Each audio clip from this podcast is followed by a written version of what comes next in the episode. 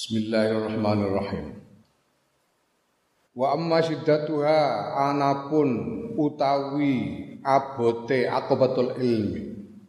Fabzul mongko iku nyorohake sira, curahkanlah diri, curahkanlah engkau nafsaka ing dhewe fil ikhlasi ing dalam ikhlas. Kerahkan segala kemampuan mentalmu untuk menegakkan keikhlasan.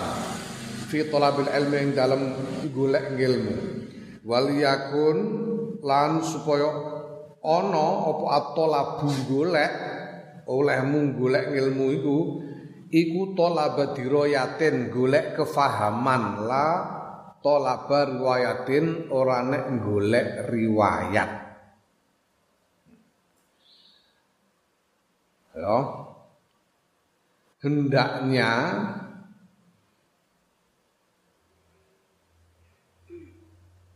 caramu apa yang kau cari di dalam belajar itu adalah mencari kefahaman agar kamu faham tentang apa yang diajarkan kepadamu.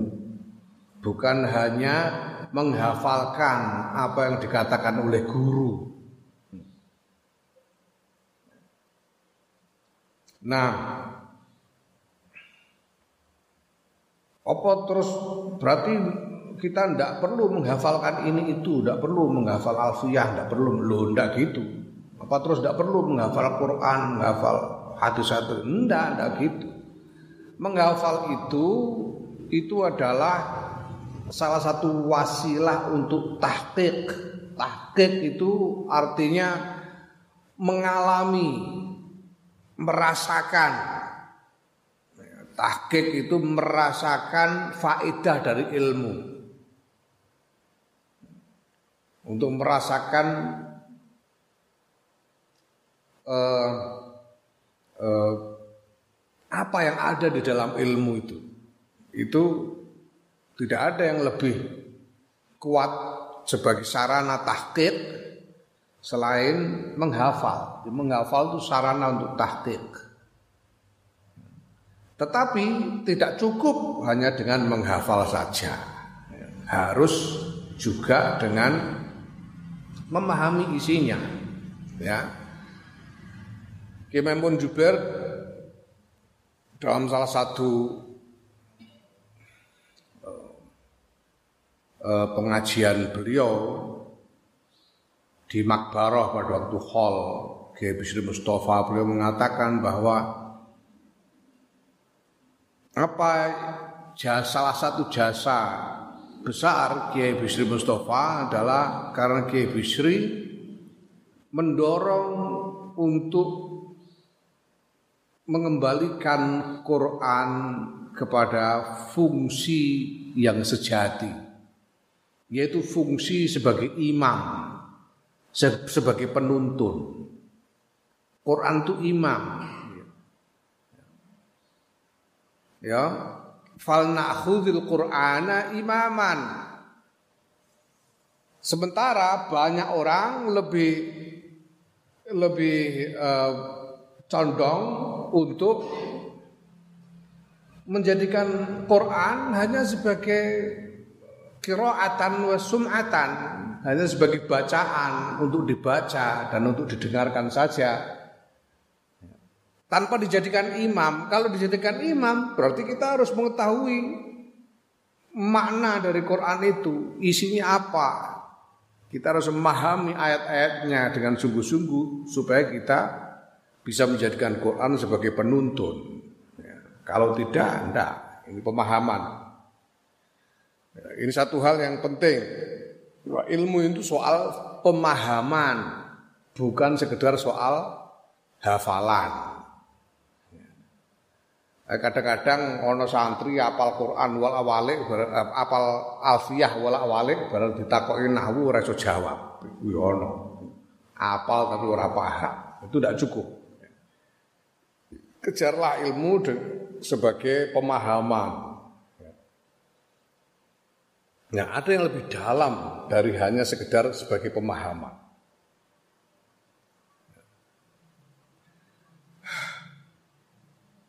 kita ini hidup lebih tujuh abad setelah Rasulullah Shallallahu Alaihi Wasallam. Awake dhewe ngipi ora tahu. Ngipi kepethuk Kanjeng Nabi ae ora tahu. Kita bermimpi melihat Rasulullah Muhammad sallallahu alaihi wasallam. Belum pernah ya, saya tidak tahu kebanyakan dari kita belum pernah. Mungkin ada yang sudah pernah. Nah, bagaimana kita akan menjalankan uh, tuntunan Rasulullah Muhammad SAW. Sementara kita tidak pernah bertemu dengan beliau. Nah, itu sebabnya kemudian kita menegakkan nilai bahwa ilmu itu harus dengan sanat. Tidak boleh orang mengamalkan apalagi mengajarkan ilmu tanpa sanat. Sanat itu adalah rantai guru dan murid yang sambung menyambung sampai kepada Rasulullah Sallallahu Alaihi Wasallam. Sanat itu artinya sandaran. Sehingga kalau nanti kita dimintai pertanggungjawaban, kenapa kita mengambil sikap tertentu. Aku umpamane takoki, kamu kok begitu? Apa dasarnya? Dasarku karena guruku. Karena aku memahami guruku. Ya, engko ben guruku sing digenti ditutok. Oh, guruku ditutok jawab ya aku kula ngoten mergo guru kula. Guru dimintai pertanggungjawaban terus sampai kepada Rasulullah sallallahu alaihi wasallam. Kan mulane Ki Bisri Mustafa iku mbiyen ngendika ngono sampean engko sampean ngaku dadi santriku So mben ditekani mungkar nakir ora usah kuwatir. Ora usah wedi, ora usah kangelan ngapalno. Ditakoki apa ae jawabane siji. Takoki man buka jawabane rombongan.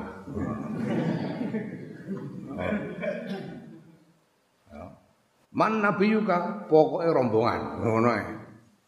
Engko nek ditakoki rombongan rombongane sapa? Rombongane Ki Bisri.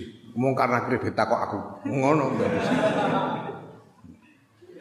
Wani ngono. Kenapa berani begitu? Ya karena engko nek mung karena akhir terus nakoki Bisri ini kok santri-santri leteh kok mung rombongane jenengan itu sepundi? Nggih wong santri kula, rombongan kula.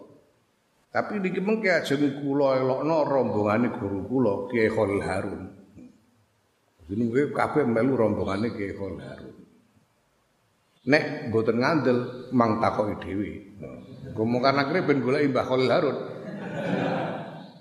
Mbah Khalil Harun takoki niku jape kono nggih bisri niku santri kula mantu kula kula jak rombongan kula tapi kula elokno rombongane guru kula Kiai Umar Harun mboten ngandel dengan takok biasa sampean takok dhewe kono.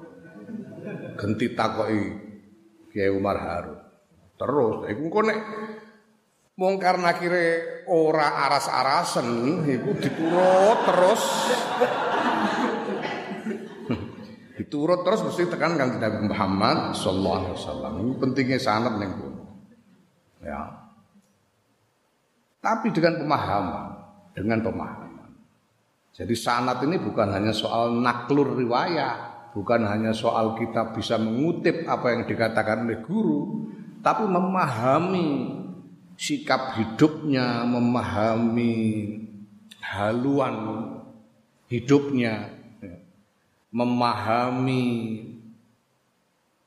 apa namanya usul dari cara-cara guru kita di dalam memecahkan masalah prinsip-prinsip dalam memecahkan masalah yang dilakukan oleh guru-guru kita itu yang penting. Di tolabud diroya bukan hanya sekedar tolabur riwayah.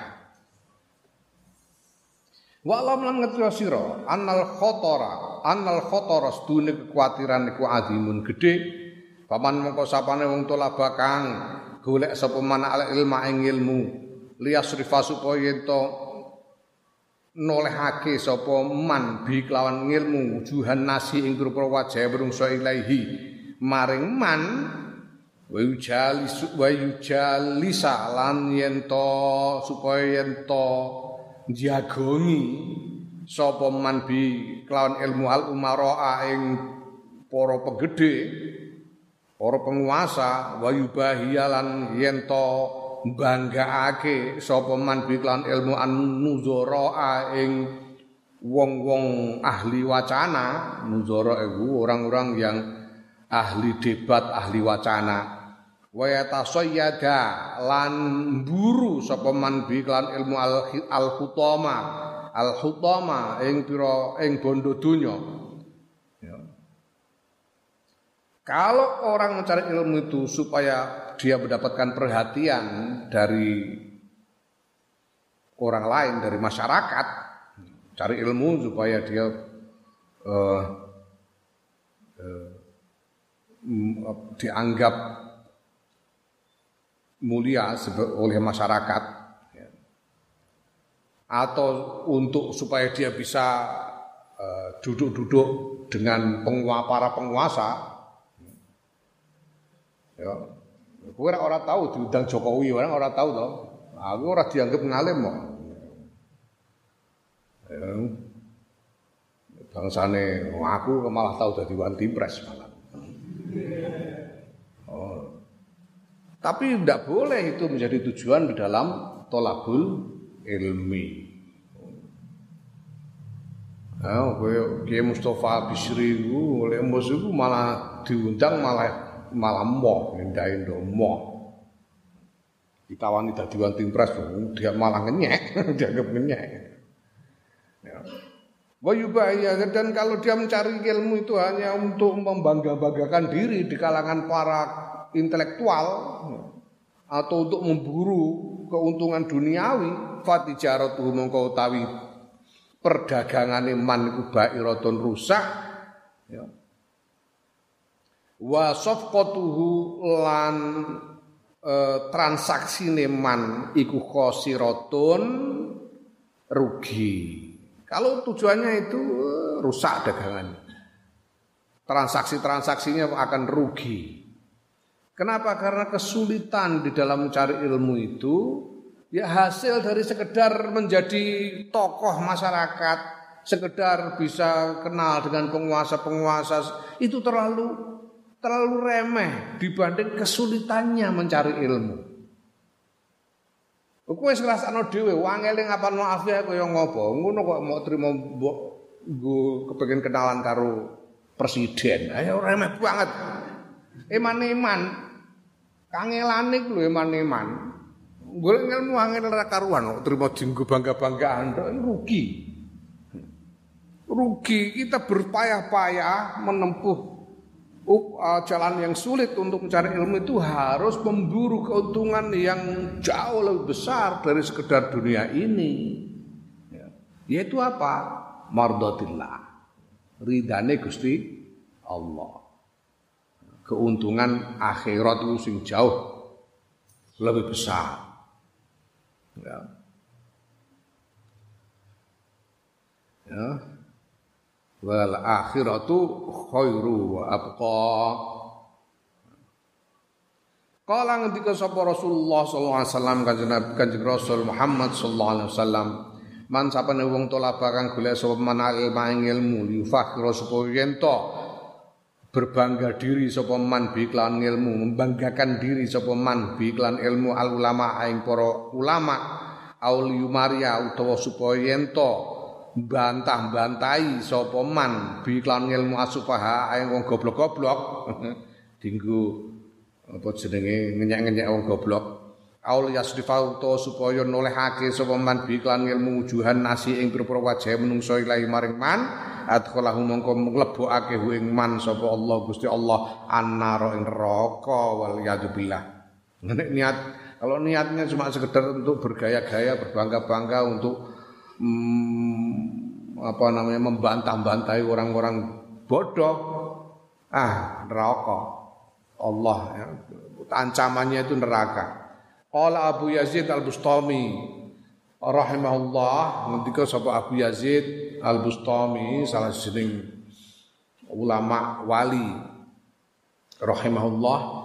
Amil tu nglakoni sapa ingsun fil mujahadati ing dalam mujahadah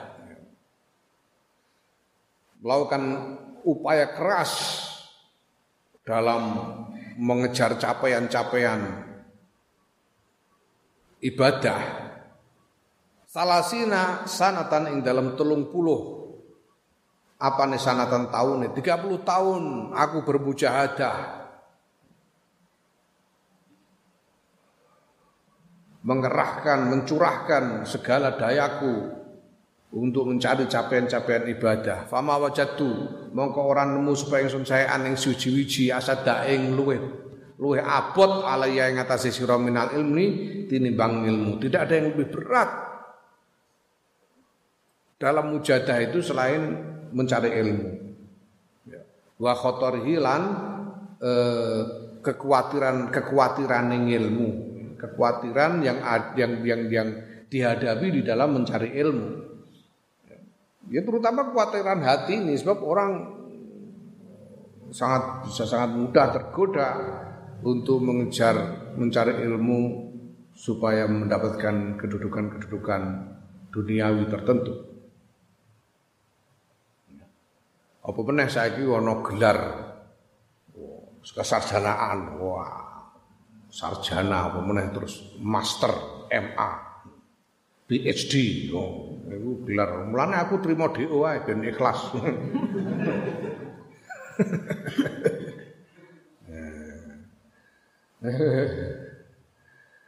Allah karim. Wujudnya aku dewa-dewa lah terus diundang nyeramai guru-guru besar ning eh, gedung Senat UGM. Wah. Adalah aku DO.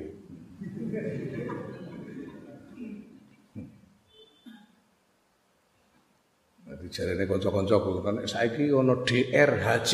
DRHC dokter honoris causa. Dokter honoris causa. Ini mari kita usulkan supaya kita bikin gelar DO honoris causa. Singkatannya apa? DOHC. Wah, kaya Suzuki Carry bukan DOHC.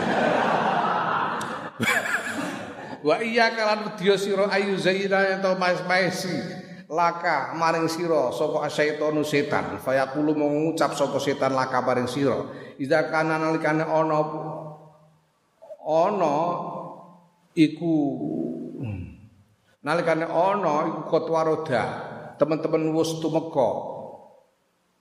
Apa hadal khotorul azimu ikilah kekhawatiran kang gedhe fil ilmi dalam ngilmu fata fatarku mongko ninggal ngilmu iku aula luweh utama. Wah nek bahaya mencari ilmu begitu besar ya berarti meninggalkan ilmu tidak mencari ilmu itu lebih lebih baik daripada kita menghadapi ancaman yang terlalu besar seperti itu. Kalau salah niat bisa masuk neraka Ya. Nenggone bidayatul hidayah iku dihentikan dalam kitab bidayatul hidayah yang karangan Imam Ghazali juga bahwa orang mencari ilmu dengan niat selain mencari mardotillah. Dengan niat selain e, mengharapkan ridho Allah. Itu dosa haram. Haram. Nah, guru kalau tahu ada murid yang niatnya mencari ilmu bukan untuk meraih ridho Allah, kok gurunya nekat mau mengajar, gurunya dosa, gurunya malah dosa. Bayani ilmu, hati-hati gue. Ojo ngatu kepengin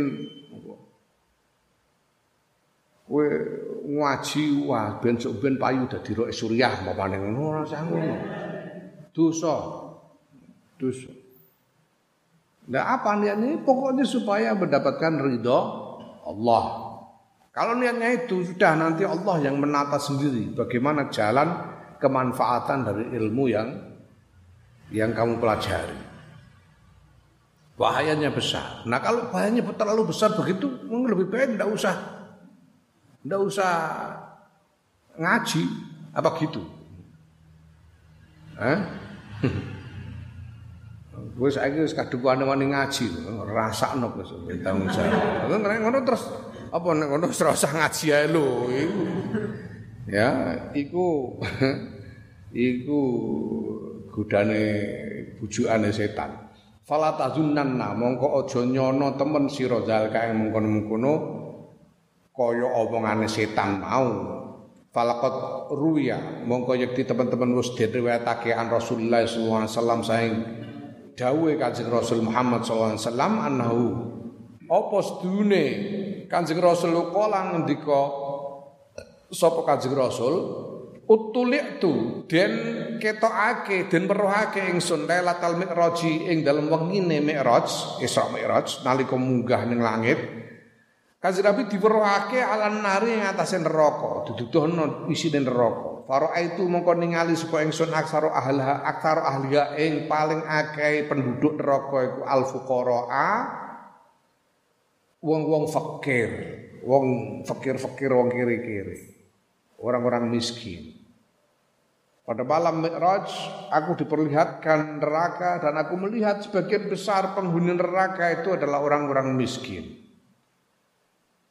Kalu padha matur sapa sahabat, "Ya Rasulullah, do Kanjeng Rasul minal mali napa fakir minal mali saing bondo?" Para sahabat bertanya, Kanjeng Rasul, apakah itu orang-orang miskin ahli neraka itu miskin harta, miskin harta benda dunia? Qala la Mendika sapa Kanjeng Rasul, la ora bal minal ilmi. Tapi miskin minal ilmi fakir minal ilmi saking ilmu bukan miskin harta tapi miskin ilmu. Sebagian besar penduduk neraka adalah orang miskin yaitu yaitu orang-orang yang miskin ilmu. Ya. Faman mengko sapane wong la ya ta'allamu kang ora nyinaoni sapa wong. Al ilmu ilmu la ya ta'atta ora uh, ora hasil lahu kedue man apa ahkamul ibadati pira-pira hukume ibadah wal qiyami lan jumenengake lan jumenengi bihukukiha kelan pira-pira hake ngibadah. Kama kaya barang yang bagi kang prayoga pema kalau orang tidak mempelajari ilmu, dia tidak akan mengetahui hukum-hukumnya ibadah dan tidak bisa e, menegakkan hak-haknya ibadah. Apa syarat hak hak-haknya ibadah itu apa? Syarat-syaratnya, rukun-rukunnya, sunnah-sunnahnya, adab adabnya itu semua adalah hak-hak dari ibadah. Kalau tidak dipelajari tidak bisa. Walau anna rajulan lan lamun stune wong lanang iku abada.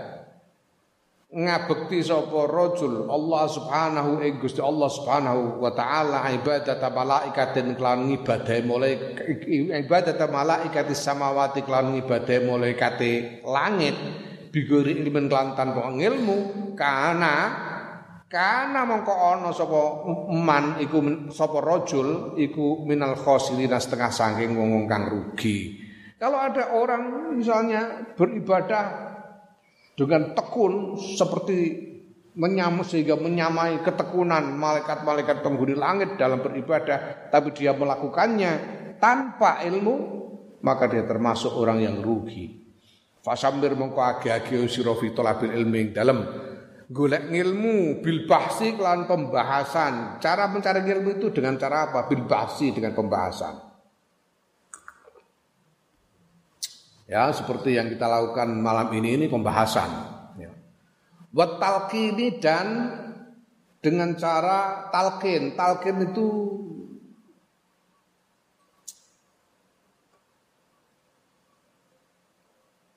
apa membacakan talqin membacakan untuk dihafal atau ditirukan. Ya. Seperti ya, seperti kaya wingi sing nalika aku ngijazahno Fatihah musalsal itu itu talqin. Kaya wong mati iku ditalqin. Talqin he Fulan mengko bakal teko malaikat mungkar nakir sira aja wedi, ora usah geter, ora usah wedi, mergo iku padha-padha makhluk e Gusti Allah ngono talqin. Mun ditakoni man rabbuka sira jawab kanthi teges Allahu Rabbi. Sateruse.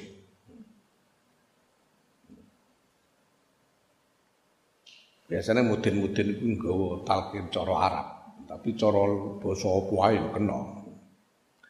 Biyen niku nalika Ki Abdul Fattah, Ki Abdul Fattah bin Abdul Hamid eh, tambak beras Jombang Kapundut sing disuwunaken ke Hasbullah Salimi, Ki Hasbullah Salimi iku iku mantune di IPD Ki Wahab Hasbullah.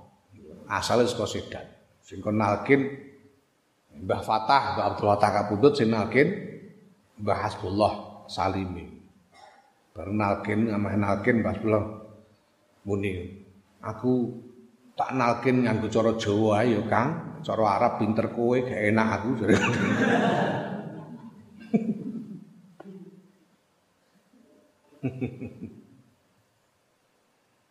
ya, talkin dengan cara talkin. Di mau uh, wat tadrisi lan deres lan tadris lan pengajaran. Ya.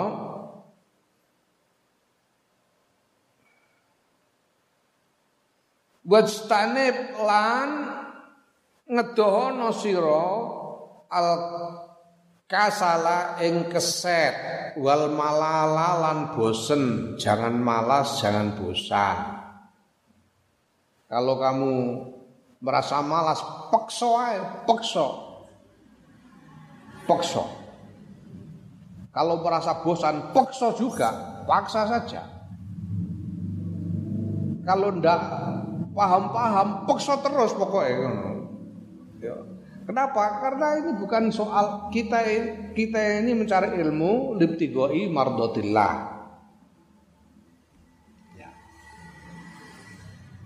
Maka yang penting adalah kita melakukan itu kita melakukan apa yang kita lakukan di dalam mencari ilmu itu supaya diridhoi oleh Allah. Apakah kita nanti menjadi orang alim, berhasil menjadi orang alim beneran atau tidak ya Allah, terserah. Terserah Allah. Apakah kita akan cepat paham atau sulit paham? Allah. Ya, jadi dengan kata lain gimana? Kita belajar itu seperti kita sholat seperti kita puasa. Kue sholat kan ora iso ngrasakno langsung faedahe sholat. Bar sholat itu terus ngrasakno apa? Terus apa terus kue terus bar sholat tiba-tiba terus iso hmm, ana duit jeblok saka langit ketepok kan ki ora. Kita tidak bisa merasakan langsung apa yang kita peroleh. Tapi kita yakin bahwa sholat dan ibadah-ibadah lain ini mencari ridho Allah dan pada akhirnya nanti Allah yang akan menata sendiri, menata untuk kita. Bagaimana supaya yang kita lakukan ini bisa tampak manfaatnya. Ya. ya jangan bosan, jangan malas, jangan bosan. Kalau merasa malas malah paksa saja. Persis seperti kalau kamu mau sholat malas, Kowe kan kerep to, arep salat taras-tarasen bareng. Peksa wae pokoke mbah. Salat karo angop-angop ora Allah.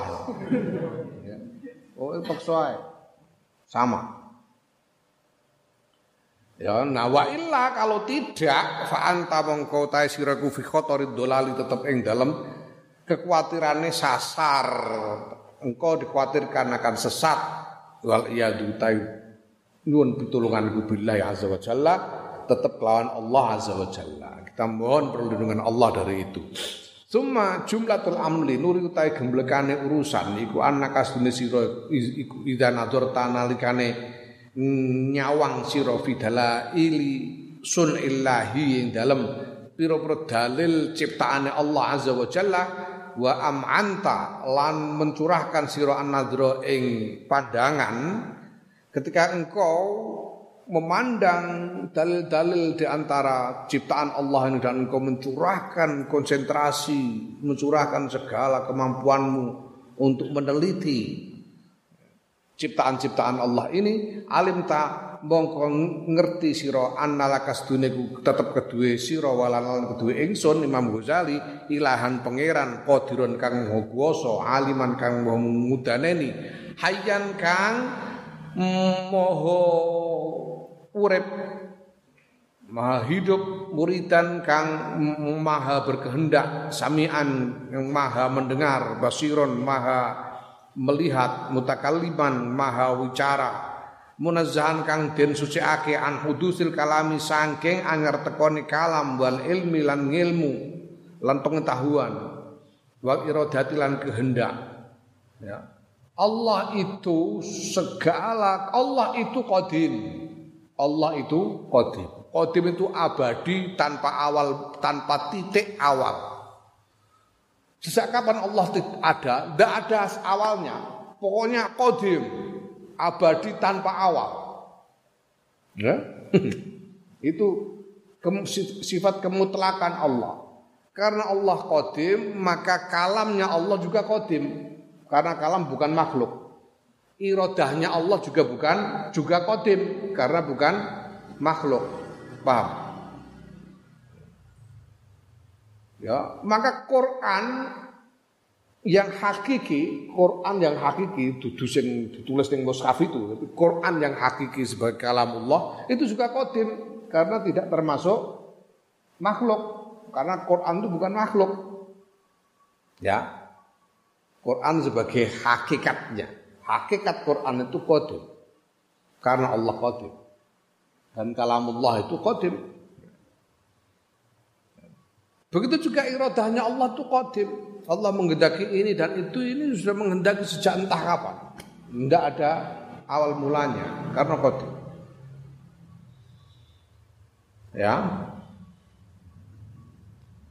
Muqaddasan tur dan suci ake angkuli naksin sangking saben-saben kekurangan wa afatin lan ponco boyo lan cacat. Allah suci dari segala kekurangan dan cacat layu sofura dan sifati sapa Allah bi sifatil muhdatsina kelawan pira-pira sifate perkara kang anyar teko. Artinya sifatnya makhluk. Allah tidak bisa disifati dengan sifatnya makhluk, sifat yang mana pun dari sifat makhluk.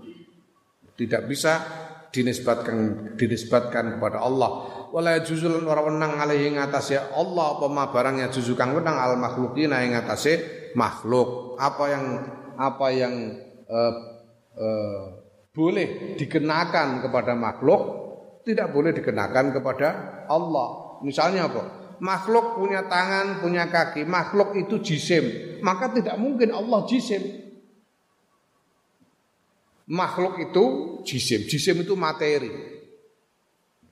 Jisim itu materi. Ya, karena makhluk itu jisim punya sifat sebagai jisim, Allah tidak mungkin jisim. Ya, maka pandangan orang-orang yang para uh, apa dari kalangan mujassimah, orang-orang yang menganggap Allah itu sebagai punya jisim, merupakan jisim ini pandangan bid'ah. Allah itu berarti Allah terus orang mukhalafatul khawadisi. Jadi sifat apa pun yang ada pada makhluk tidak boleh dikenakan kepada Allah.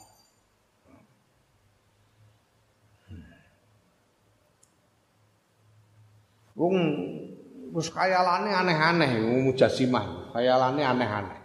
Ana wong Wahabi Yaman sapa jenenge? Wali jenenge. Kondo kok Allah itu juga punya dua tangan tapi tengen kabeh. Iku piye terusan? Terus lucu ngono. Zaman kuno biyen niku ana kelompok jenenge kelompok Karomiyah. Kelompok Karomiyah. Iku membahas oleh Gusti Allah istawa alal ars. Oleh maknani istawa alal ars Gusti Allah pinarak di sana. Pinarak di sana. Ngono terus direbuk. Nek ngono gedhe ndi antarane Allah karo singgasanane. Ya padha karo aku digendeng kursi ini, aku karo kursi ini gedhe ndi. Iki angen-angen sing ora karu-karuan. Akhirnya terus ya jatuh pada apa apa namanya menciderai pen, uh, kesucian Allah dalam uh, uh, keyakinan kita. Segala sifat yang ada pada makhluk tidak boleh, tidak bisa diterapkan pada Allah. Ya. Wala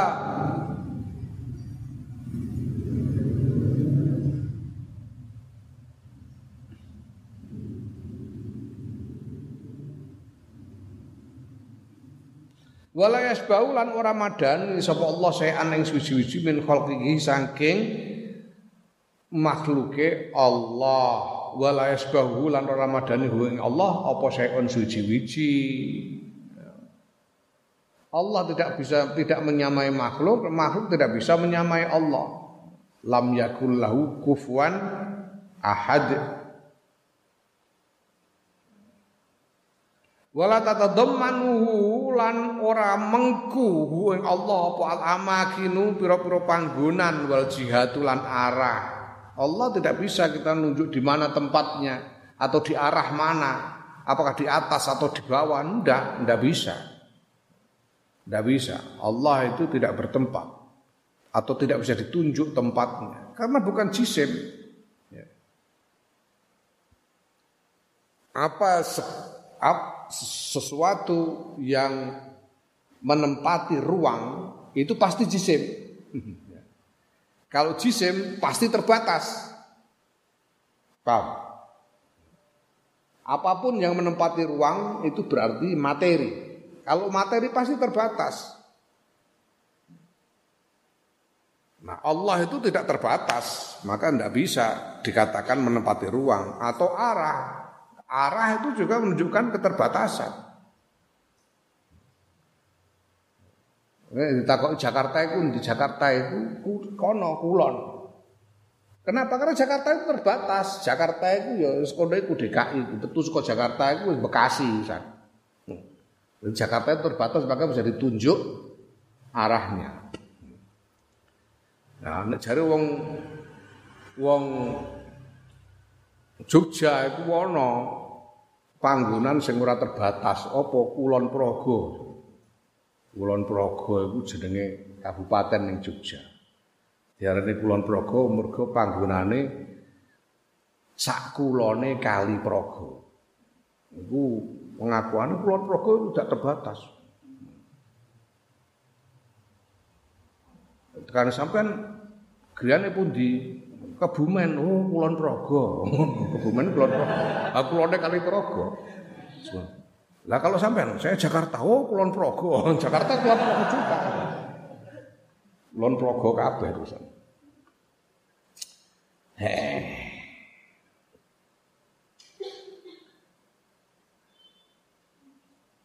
Wala tahulluhu lan ora ngenggoni hu ing Allah apa al hada al hawadis pira-pira barang anyar wal afatu lan pira-pira cacat utawa bahaya ya.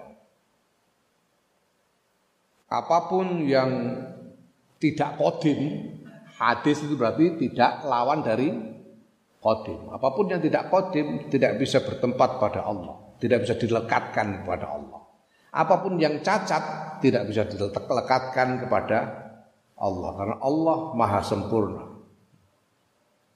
Karena Allah abadi dan maha sempurna.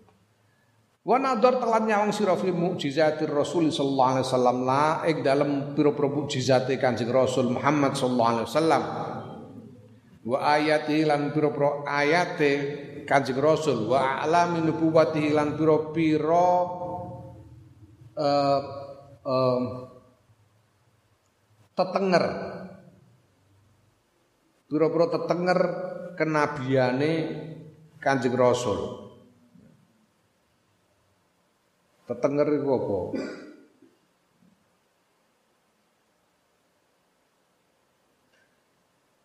Tetenger itu hmm, simbol identitas itu terken tetenger. Hmm? Kayak polisi itu seragame itu menunjukkan bahwa dia polisi. Tentara seragamnya tentara menunjukkan bahwa dia tentara. Sifat-sifat dari Rasulullah Muhammad SAW itu menunjukkan bahwa beliau adalah utusan Allah. Itu jadi tetenger. Tanda kenabiannya. Alim ta mongko ngerti sira annahu ing sedune Kanjeng Rasul iku Rasulullah sallallahu alaihi wasallam utusane Gusti Allah sallallahu alaihi wasallam wa aminuhu lan kepercayaane Allah ala wahyi ing atase wahyune Allah. Beliau adalah utusan dan yang dipercaya oleh Allah untuk membawa wahyunya.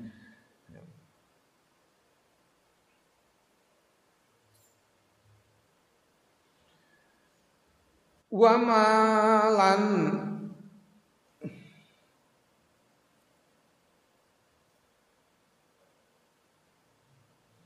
lan nyawang sira ing barang kana kang ana sapa as-salafus shalihu para ulama salaf kang soleh generasi pendahulu yang soleh iku ya takiduna podo meyakini sapa as-salafus soleh min Allah taala saing sedune Allah taala iku yura bisa den tingali fil akhirat ing dalam akhirat somben ning akhirat iso ningali marang Gusti Allah. Lah piye engko kira-kira iso ora usah dikira-kira supaya tunggu saja. Muga-muga kita semua termasuk di antara hamba-hamba yang dikaruniai hak untuk bisa memandang kepada Allah di akhirat nanti di surganya nanti. Wa anna Allah ku maujudun exist Maujud itu dan temu, ada. Allah itu ada. Walai salam orang ana sapa Allah fi jihatin mahdudatin ing dalam arah kang terbatas. Allah tidak berada pada satu arah yang terbatas. Ini adalah keyakinan-keyakinan yang kita terima sebagai ajaran secara sambung menyambung dari salafus soleh.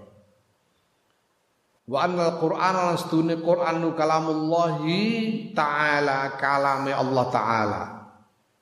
Firman Allah taala.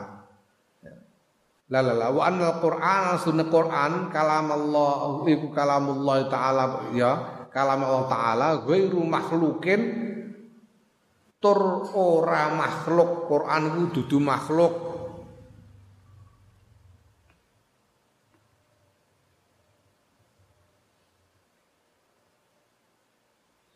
Wale salan ora ana apa Quran ku bikurufin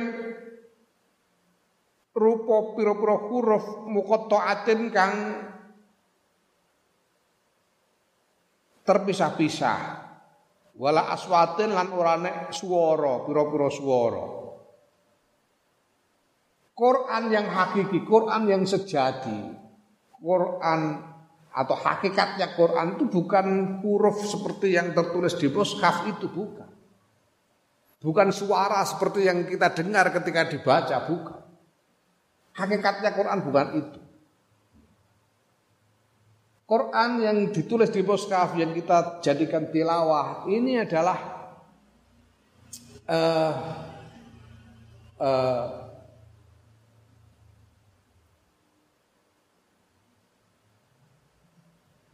refleksi duniawinya. Kaya ayang-ayange, ayang-ayange ning dunia. Ketika diturunkan di dunia, ya kalau ndak kita kan nggak paham lalu kita cuma manusia. Quran ini kemudian dibahasakan menjadi kalimat-kalimat yang bisa dipahami oleh manusia supaya manusia mengerti. Tapi Quran yang hakiki itu bukan yang itu.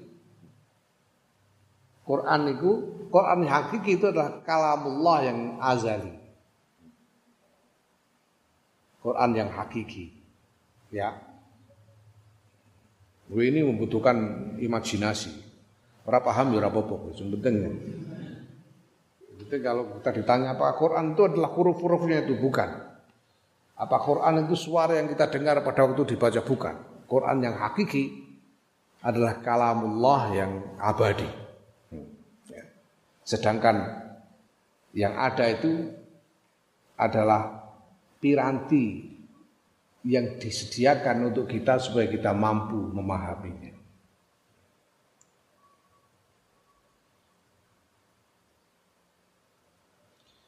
Idlau kana krana lamun ana apa Quran kadzalika kaya mengkono-mengkono berupa huruf utawa swara lakana mongko yakti ana apa Quran ku min jumlatil makhluqati setengah saking kumpulane makhluk. Kalau Quran itu adalah huruf-hurufnya itu atau suara yang ketika dibaca, berarti Quran itu makhluk. Berarti Quran apa yang hakiki? Ya bukan yang itu.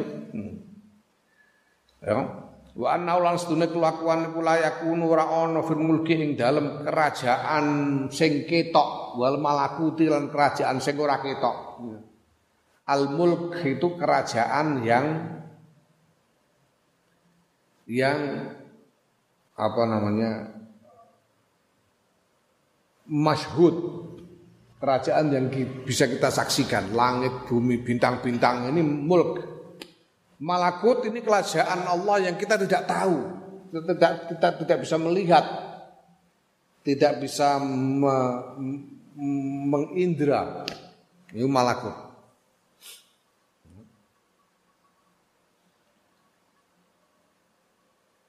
Itu bangsa apa? Ya yang goib goib, goib goib.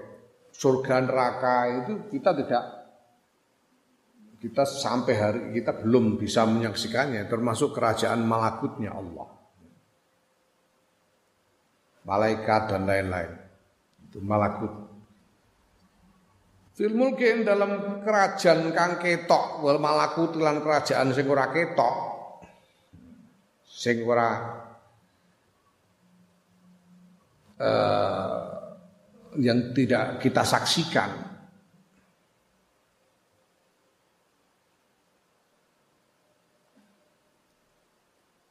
apa apa faltatu khatirin faltatu khatirin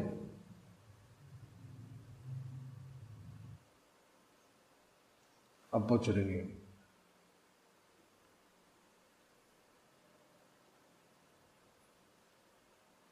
Percikan apa? Ora percikan ya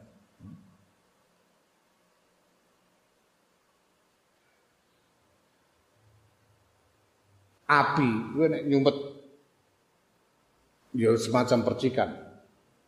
Gue nek nyumpet geni itu ada ada api yang melompat menjadi percikan. Tiba-tiba melompat. Artinya faltah itu sebenarnya sesuatu yang datang dengan dengan tiba-tiba. Faltah itu artinya datang atau muncul dengan tiba-tiba itu faltah. Jadi letupan, letupan sesuatu yang datang bawah seperti letupan, letupan pemikiran. Khotir itu eh? Khotir itu kerentak pemikiran, letupan pemikir, pemikiran. Wala laftatu nadirin lan orane kejapan pandangan. Laf ya laftah itu sak tolehan sak tolehane pandangan. Letupan pemikiran atau uh, kejapan pandangan. Illa biqada illa taala kecuali dengan kodoknya Allah taala. Wa qadarihi lan apa takdirnya Allah taala. Wa iradatihi dan kehendaknya Allah taala. Wa masyiatihi dan keinginan kemauan Allah taala semua yang terjadi ini terjadi karena kodok, kodar, kudroh, dan iradah dan masyiahnya Allah. Faminhul mongko iku sanging Allah al khairu te kebagusan wa syarulan keelean wa naf'ulan manfaat wa durrulan kemelaratan wal iman lan iman wal kufur kufur. Semua dari Allah. Yang baik dari Allah, datang dari Allah, yang jelek juga semuanya takdir Allah, manfaat atau atau bencana itu karena takdir Allah. Orang menjadi beriman atau menjadi kafir itu karena kehendak Allah.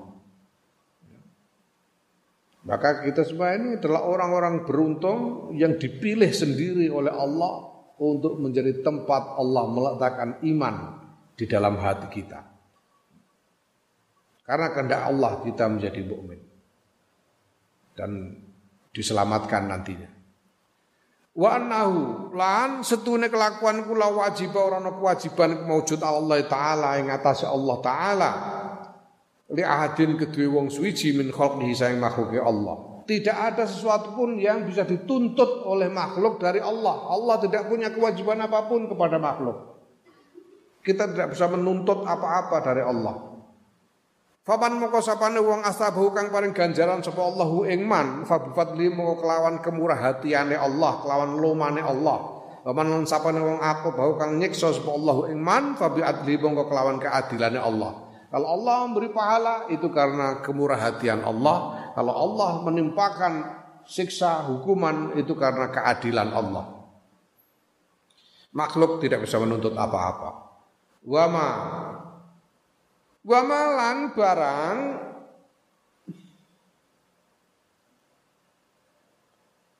Waroda kang tupek apa mahal lisan sahib syar'i ing atase lisane kang kagungan syariat yaiku Kanjeng Rasul Muhammad sallallahu wasallamu alaih. Min umur akhirat isaing pira-pira perkara akhirat kal hasri kaya den uh, apa jenenge? Den kumpulake ning ora-ora mahsyar wan nasri den bangkitake saka kubur.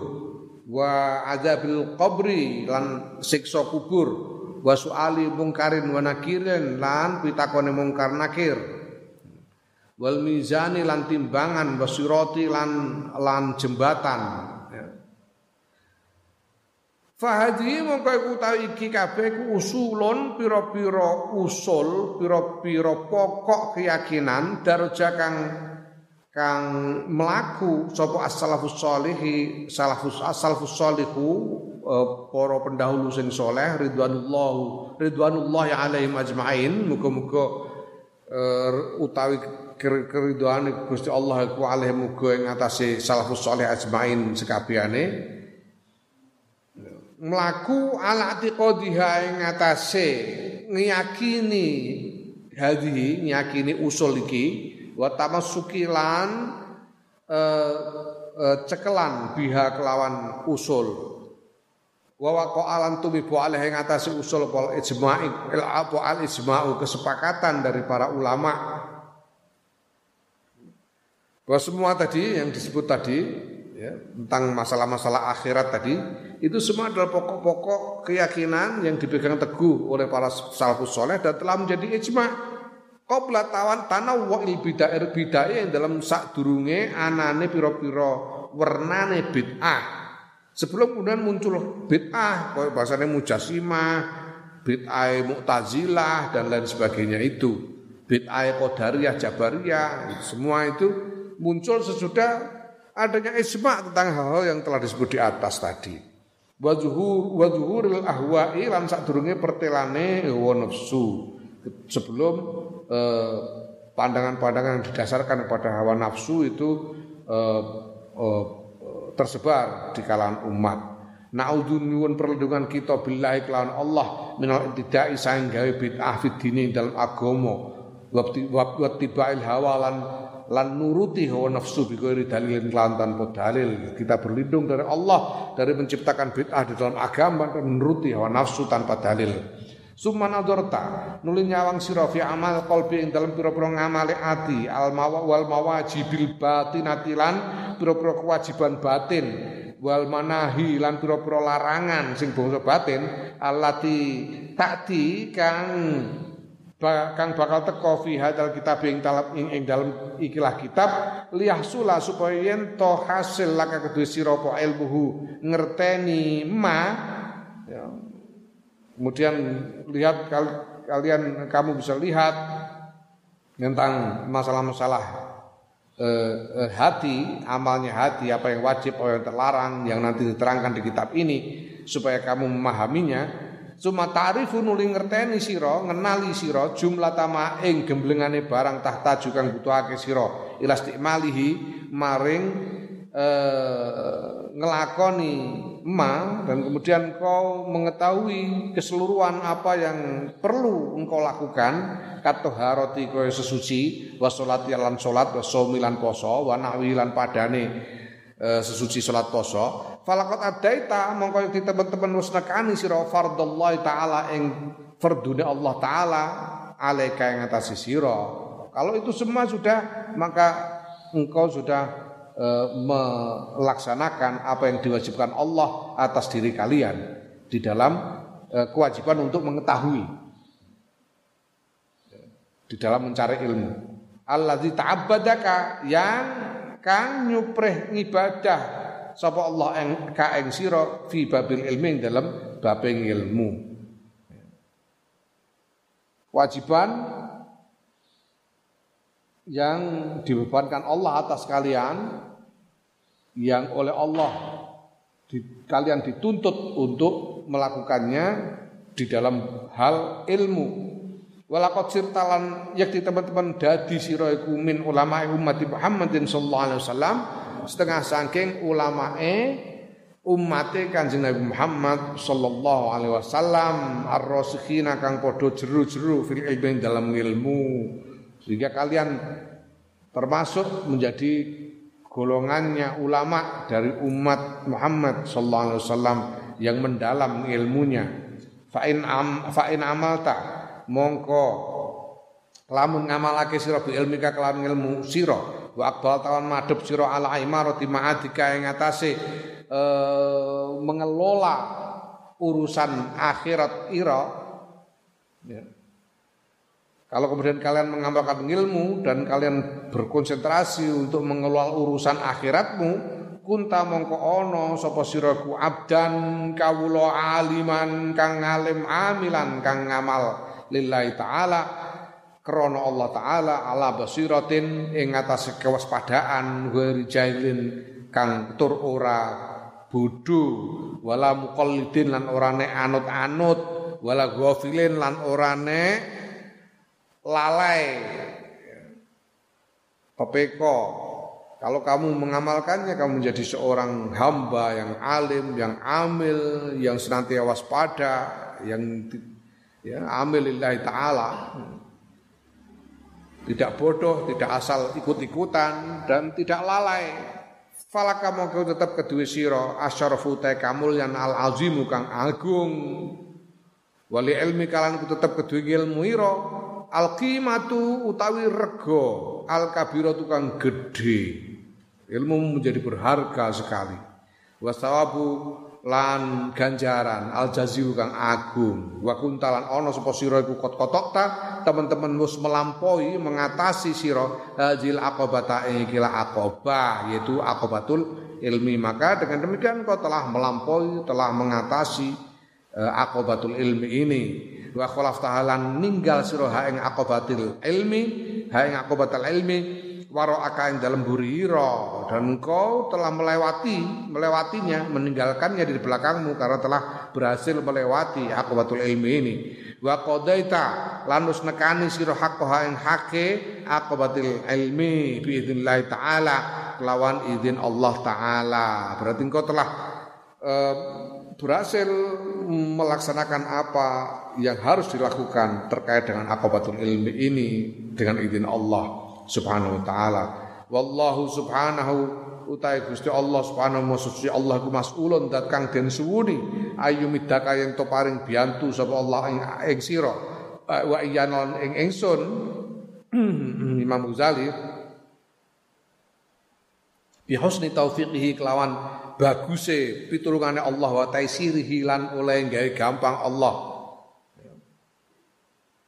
Inna ustunna Allah ku arhamur rahimina paling welasi wong-wong kang welas wala haula ora ana daya wala quwata lan ora ana kekuatan illa billahil aliyil azim kejaba kelawan pitulungane Allah al ali kang mau al azim kang mau agung.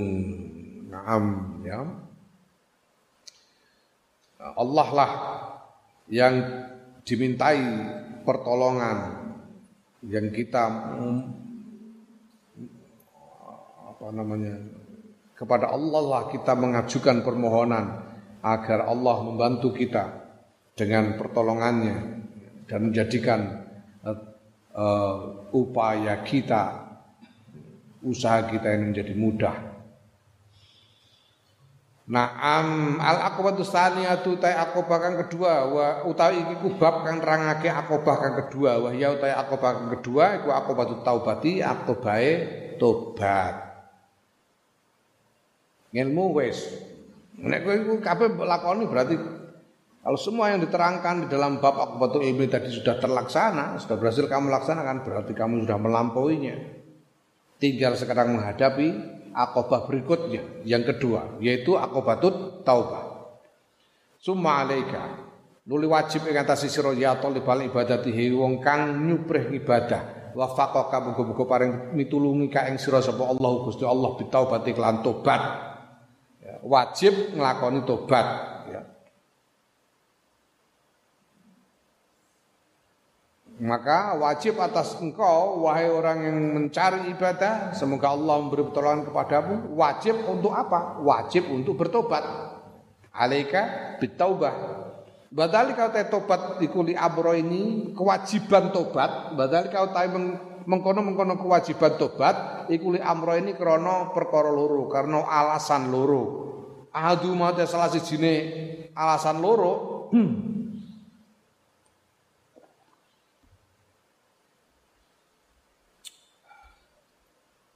Iku liyahsula supaya entuk hasil laka kedue sira apa taufiqut taati pitulungane to pitulungan nglakoni taat supaya engkau tertolong untuk melaksanakan taat. Fa inna dzunubi alasan pertama untuk bertobat adalah supaya engkau mendapatkan pertolongan untuk melaksanakan toat. Ya. Kita bertobat supaya lebih mudah untuk melakukan toat. Supaya lebih ringan bagi kita untuk melakukan toat. Fa inna syu'ma dzunubi mongkostune kesialane pira-pira dosa, dosa itu membawa sial. Iku yurisu. Maresake. Apa syukmul junub al khirmana ing kecegah saking rahmati Allah kecegah saking rahmati Allah wa yu'aqibu lan mengakibatkan apa junub al khidlana ing e, kehinaan Dosa itu mbak sial. Kesialannya apa? Kesialannya berupa tercegah dari terhalang dari rahmah dan mengakibatkan kehinaan kalau orang melakukan dosa. Wa anna qaita dzunubi lan stune cancangane pira-pira dosa. Dosa itu kaya nyancang. Mengikat, menyancang orang. Iku yamnau nyegah pokoke dzunub al masyi anil masyi saking melaku ila taatillahi azza wa jalla maring nglakoni taat marang Allah azza wa jalla wal musaraati lan bersegera ila khidmatihi maring e, ngabekteni Allah lianna thiqala dzunubi krana sedune bebane pira-pira dosa ku yamna'u nyegah apa siqal siqal dzunub minal khiffati saking rasa enteng lil khairati maring lakoni pira-pira kebagusan. Wan nasyati lan trengginas fitaati ing dalam nglakoni taat. Beban dosa itu menjadikan orang tidak bisa merasa ringan di dalam melakukan kebaikan dan tidak bisa cekat-cekat. Tidak bisa hmm? apa bahasa Indonesia cek-cek itu nasat itu terengginas tidak bisa lincah di dalam melaksanakan taat. Wa anal asrar wa anal israr iku ya. Kok dike hamzah ning dhuwur kula apa? Wa anal israr lan setuhune dlurung berterus menerus dlurung itu terus-terusan tidak mau berhenti. Alat junubi ing atase dosa iku mimma setengah sing barang usawi dukang ngirengake menghitamkan apa ma al quluba ing pro adi. Fata jiduha mukan musiroha ing kulub iku fidul mati tetep ing dalem kegelapan wa lan lan kekerasan hati. Hatine keras kalau hati keras menjadi sulit untuk menerima petunjuk sulit menerima eh, nasihat dan sebagainya. Wala khulusolan ora ono resik iku maujud fiha ing dalem ati. Wala safawatalan ora ono kejernihan niku maujud wala ladzatan ora ono kelezatan.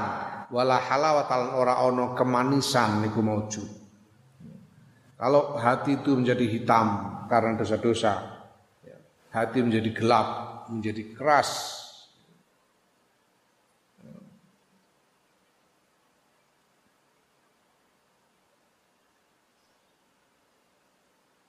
tidak jernih, tidak bisa merasakan lezatnya iman, tidak merasakan manisnya iman.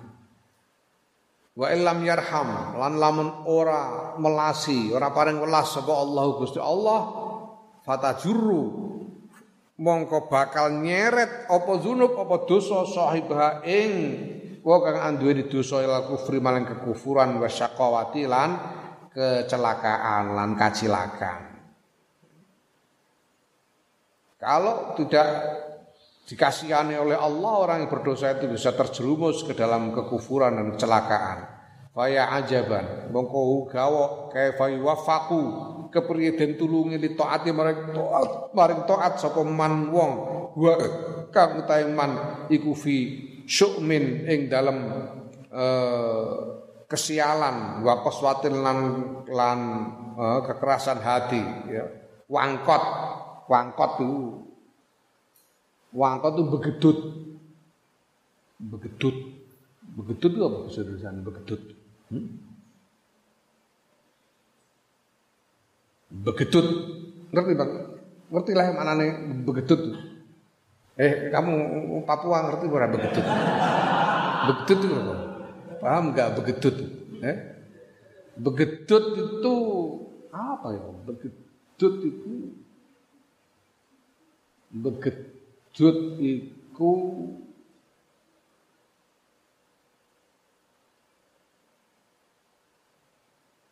apa namanya nekat untuk terus menerus di dalam kesalahan dan tidak mau berubah. Dinasehati nggak bisa, dimarahi nggak bisa, tetap aja. Itu namanya begedut. Jadi kamu jangan begedut. Eh, bahasa Jawa, bahasa Jawa itu memang kaya, kaya. Sederhana mau, oh, ini bahasa Indonesia adanya cuma e, enggak ada e, e enggak ada, e bahasa. Menanam apa? Kabeh e kabeh. Bahasa bahasa Jawa ono e, ono e. Ya, ono enak, ono enek, ono engkek. Ono dhewe Ya enggak? Nek ora wong Jawa ora ngerti. Ono wong Batak tekan Jakarta pertama kali terus numpak taksi. Orang numpak taksi numpak Grab. Sing nyupir grepe wong Jawa. Ke mana Pak? Ke Tebet kita. Tebet. Tebet Pak, bukan Tebet. Ya apa apa kata kolah, pokoknya ke sana. Tebet. Pengaruh Jawa kono Tebet. Barang tekan tebet, kau tunggu dulu ya. Aku masuk sebentar nanti aku keluar lagi kita ke tempat lain. Ya Pak, ini sedelok metu meneh. Ke mana lagi kita Pak? Menteng. Kementeng kita. Menteng Pak, bukan menteng. Muring-muring Kau macam mana kau? Tadi ku bilang tebet, kau bilang tebet. Sekarang ku bilang menteng, ku bilang petek.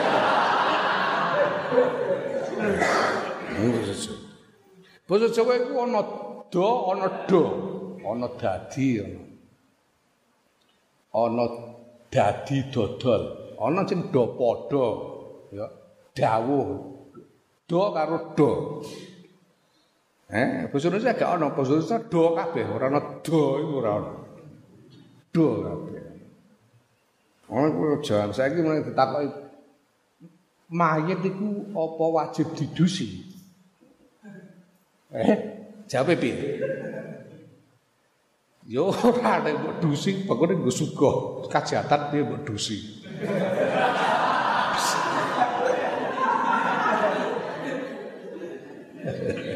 Di dusi oh, leper iku.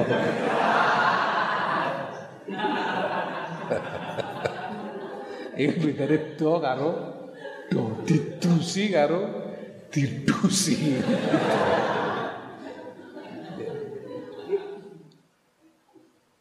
Naam. Begedut. Sakowa itu begedut. Apa namanya sekwah itu begedut. Sekwah, wangkot itu begedut. Naam. Ndi mau. Keswah, ya. keswah itu begedut, wangkot, keswah, begedut atau wangkot. Wah, ya, kosawah, kosawah keswah itu begedut atau wangkot.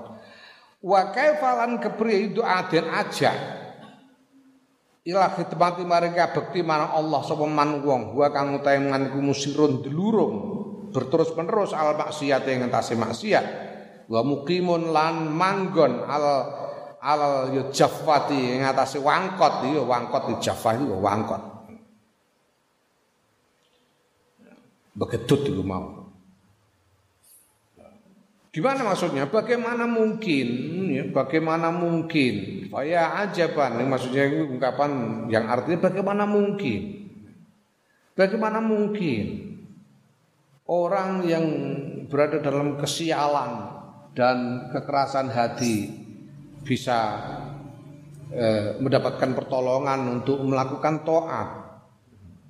Bagaimana mungkin orang yang mendelurung, ya, apa naik bahasa mendelurung, yang berterus menerus di dalam maksiat dan eh, berketetapan di dalam kebegedutan ngomongnya itu eh, hendak diajak untuk berkhidmah kepada Allah. Ya. Wa kaifa yuqarrabu lan kepriye den parekake munajati maring munajat maring ber Munajat itu munajat itu berwawancara, bercakap-cakap. Bercakap-cakap dengan Allah. Sapa man wong huwa kang teman kumutaltihun e, tercemar gobret bil akdari kelan pira-pira kotoran wan najasati lan pira-pira kenajisan bagaimana mungkin orang yang berlumuran berlumuran kotoran dan najis akan didekatkan untuk untuk ber, bercakap-cakap dengan Tuhan. Tidak mungkin. Ya. Nah, itulah sebabnya kita harus bertobat untuk membersihkan semua ini. Untuk membersihkan kesialannya dosa, membersihkan kebegedutan, untuk membersihkan kotoran-kotoran hati ini supaya kita bisa mendekat kepada Allah. Fafil khobari mongko iku tetep ing dalam hadis. An sadiqil masduki saking eh panjenengane kang bener lan den benerake. An as-sadiq iku wong kang bener al masduq iku wong kang den benerake yaiku Rasulullah sallallahu alaihi wasallam kanjeng Rasul Muhammad sallallahu alaihi wasallam. Ana ustune kanjeng Rasul Muhammad sallallahu alaihi wasallam iku kala ngendika sapa kanjeng Rasul Muhammad sallallahu alaihi wasallam. Iza kadziban nalikane goroh sapa abdu kawula tanaha mongko ngadoh anhu saking kawula sapa al malakani malaikat lur minat nima sebab bacine ya, barang natnun itu kebusuk sebab busuknya barang yakhruju kang metu apa min fihi saking cangkeme abet. Setiap kali seseorang berbohong, mulutnya ini berbau busuk bagi malaikat. Malaikat itu merasakan bau busuk dari mulutnya. Setiap kali seseorang berbohong, mulutnya jadi busuk. Sehingga dua orang malaikat lari karena nggak tahan baunya. Hmm bohong. Masya Allah kanjeng Rasul anak dawe kanjeng Rasul Muhammad sallallahu alaihi wasallam dikane al mukminu ya'si wa la yakzib. Seorang mukmin itu bisa melakukan maksiat tapi tidak bisa berbohong. Al mukminu ya'si wa la yakzib. Bisa bermaksiat orang beriman itu tapi tidak bisa berbohong. Maka ketika seorang berbohong, dia sebetulnya sudah melepaskan imannya. Karena seorang yang mukmin itu bisa dia dia beriman bahwa Allah Maha melihat, Maha mewaspadai, Maha mengetahui dan seterusnya sehingga seharusnya tidak berani berbohong.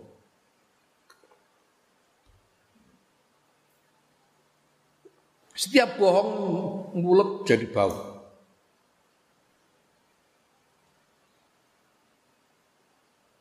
wong wong wali-wali itu iso bisa membaui kecongkaan. Wali-wali itu bisa membaui kecongkaan. Jadi kalau ada orang congkak itu bau.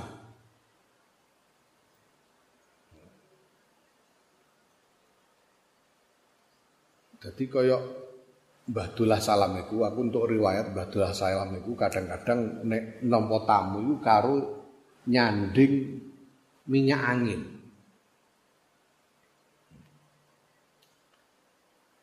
Jadi nemu tamu karo nyanding, ora mergo masuk angin ora nyanding minyak angin itu. Engko nek tamune iku omongane kok congkak, congkak iku melete. Nek melete iku terus minyak ini dihabis-habis. Mergo badhek wong melete.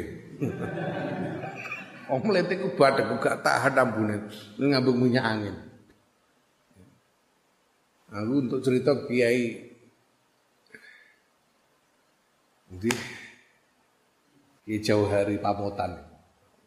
Akhirnya rumongso, ngrumangsani Kiai Jauhari. Ini cerita tapi karo alhamdulillah yang santri nih. Alhamdulillah mbah kalau saat ini insya Allah sakit pun hasil lagi kula ngingu pitik Dados kula mboten usah kluyar-kluyur saged istiqomah ngen kula nunggoni mulang santri-santri teng. Iku terus Mbak Dolah Salam ya apik karo ngambung-ngambung minyak angin. Mergo ngambune badhek. Mergo ketrucut apa jenenge congkak trucut tafakhur itu. Congkak. Mulane Ojo congkak ke budak badek. Bohong itu juga menjadikan mulut menjadi bajin. Nah, fakai fayasluhu mongko kepriye hasil? Apa hadza? Hadzal lisanu.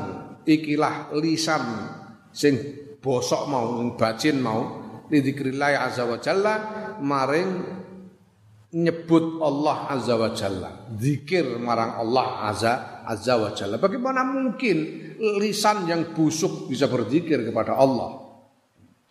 Fala jaroma mengko ora ono salah, mengko tentunya ya la jaroma itu diterjemahkan secara e, bebas itu menjadi tentunya la jaroma tentunya la jaroma Jaromun itu artinya salah, kesalahan, kekeliruan. Orang no kekeliruan itu wujud. Artinya tentunya layak dura parek-parek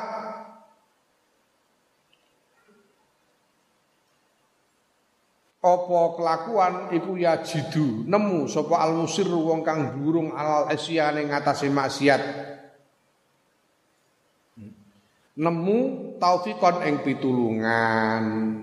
Maka orang yang dilurung dalam kemaksiatan itu hampir-hampir tidak bisa menemukan pertolongan Allah. Wala takhifu lan ora dadi enteng apa arkanuhu pira-pira gauta gauta badane musir li ibadatillah taala maring nglakoni ibadah marang Allah taala. Orang yang mendelurung yang berterus-menerus di dalam kemaksiatan itu sulit menerima pertolongan dan anggota tubuhnya itu sulit menjadi merasa ringan untuk melakukan ibadah kepada Allah. Fa ini tafaqa mongko lamun kebetulan ngibadah mongko lamun kebetulan ngibadah fabikat fabikadin mongko kelawan uh, susah payah la halawata ora ana rasa manis iku maujud ma'ahu sertane musir wala sohfatalan orang kejernian niku mewujud. Kalau kebetulan dia melakukan ibadah, dia melakukannya dengan dengan susah payah sekali, tidak bisa merasakan manis dan jernih dari ibadah yang dilakukannya. Wa kullu dzalika utai saben-saben mengkono madkur kulli syukmi dzunubi. Kenapa bisa begitu? Karena kesialane pira-pira dosa. Li syukmi dzunubi krana kesialane pira-pira dosa wa tarki taubati lan krana ninggal tobat karena tidak mau bertobat walaqad sadaqa lan yakti teman-teman bener sapa man wong kala kang ngendika sapa man idalam takwa ana sing ngendikake ana wong sing ngendikake uh, Imam Ghazali ora nyebutake sapa tapi ana sing ngendikake idalam takwa nalekane ora kuat sira ala qiyamil laili ing atase salat wengi wa siyamin nahar lan poso ing dalem rina fa'alam mongko ngerti sira iku annaka sedune sira iku makbulun kebulut kebulet iku annaka makbulun sedune sira iku makbulun kebulet kot kabalat ka teman-teman buleti ing sira apa khoti atuka kesalahan ira sampai ada yang mengatakan kalau kamu merasa berat sehingga tidak kuat melakukan sholat malam, tidak kuat melakukan melaksanakan puasa, itu berarti kamu itu sebetulnya sedang terjerat oleh kesalahan-kesalahan. Orang yang terjerat itu seperti orang yang terikat dan tidak bisa bergerak karena terjerat oleh kesalahan. Karena itu apa? Yang harus dilakukan tobat supaya jerat ini terurai. Fahazi mengko iki iku hadi yo ya iki sampurnane rembuk ya. Naam wasadi wallahu a'lam